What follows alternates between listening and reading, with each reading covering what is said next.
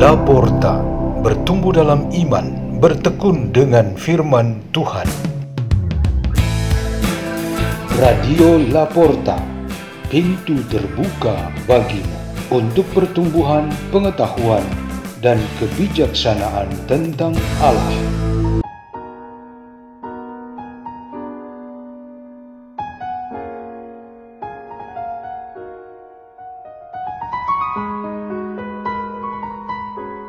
Bacaan dan Renungan Sabda Tuhan Hari Jumat Pekan ke-17 Masa Biasa 4 Agustus tahun 2023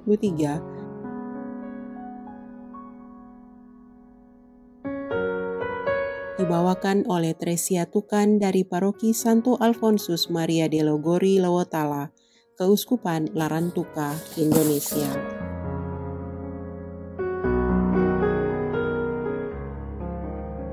Inilah Injil suci menurut Matius. Pada suatu hari, Yesus kembali ke tempat asalnya. Di sana ia mengajar orang di rumah ibadat mereka. Orang-orang takjub dan berkata, "Dari mana diperolehnya hikmat itu? Bukankah dia itu anak tukang kayu? Bukankah ibunya bernama Maria dan saudara-saudaranya Yakobus, Yusuf, Simon, dan Yudas?" Dari mana diperolehnya semuanya itu. Lalu mereka kecewa dan menolak dia. Maka Yesus berkata kepada mereka, "Seorang nabi dihormati di mana-mana, kecuali di tempat asalnya sendiri dan di rumahnya." Karena ketidakpercayaan mereka itu, maka Yesus tidak mengerjakan banyak mujizat di situ. Demikianlah sabda Tuhan.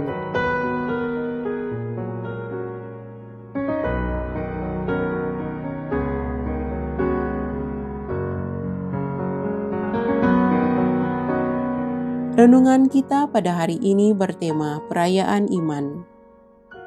Seseorang dikatakan beriman dengan baik kalau dalam dirinya terpenuhi tiga unsur ini: pengetahuan, perayaan, dan praktik atau penghayatan iman.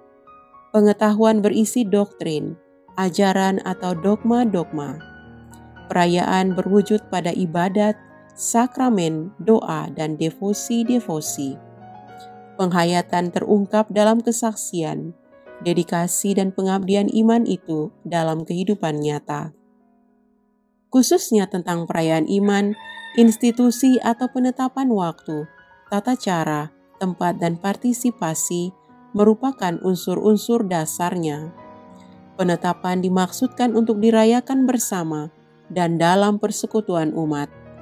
Institusi perayaan-perayaan iman dalam Perjanjian Lama dimulai oleh Musa, seperti yang dikisahkan dalam bacaan pertama hari ini.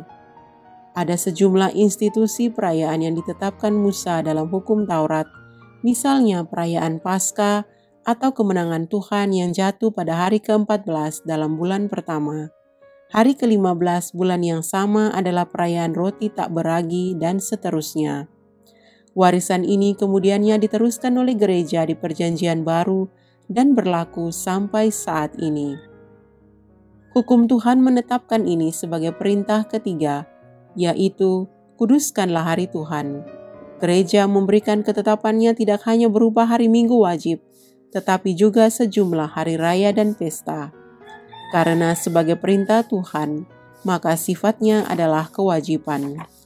Tanpa menjalankannya berarti bersalah melawan Tuhan. Selain itu, ada praktik devosi yang dilaksanakan di dalam gereja kita, meski bukan kewajiban, tetapi sangat berguna untuk menyemangati iman kita. Misalnya, doa rosario dan lagu-lagu rohani ternyata sangat membantu menguatkan iman kita. Doa-doa dan lagu atau musik menyemangati iman kita. Salah satu perayaan iman yang merupakan kewajiban kita pengikut Kristus ialah perayaan Sabda Tuhan. Perayaan dibuat ketika sabda Tuhan itu dibacakan, didengarkan, direnungkan, dan dibagikan. Ibadat sabda di lingkungan kapel atau gereja, entah ada ekaristi atau tanpa ekaristi, merupakan aneka kesempatan untuk merayakan sabda itu. Sinagoga ialah tempat sabda Tuhan dirayakan menurut tata cara Yahudi. Namun, ketika Yesus hendak melakukan perayaan sabda itu di tempat asalnya, orang-orang dari kalangannya justru menolak dan tidak mau sabda itu dirayakan. Akibat menolak perayaan iman ini, tidak ada berkat Tuhan dan perbuatan besar Allah turun ke atas mereka. Perayaan iman itu bertujuan selain memuji dan memuliakan Tuhan ialah membuka diri kita untuk mendapatkan berkat-berkat dari Tuhan. Marilah kita bersemangat selalu dalam merayakan iman kita. Marilah kita berdoa dalam nama Bapa dan Putra dan Roh Kudus. Amin. Ya Tuhan Yesus Kristus, kami bersyukur dan berterima kasih kepadamu atas adanya kesempatan tiap hari bagi kami untuk merayakan sabdamu. Semoga semangat kami tak mengendur dan motivasi kami selalu murni untuk membuat sabdamu mengakar dan bertumbuh dalam hidup kami.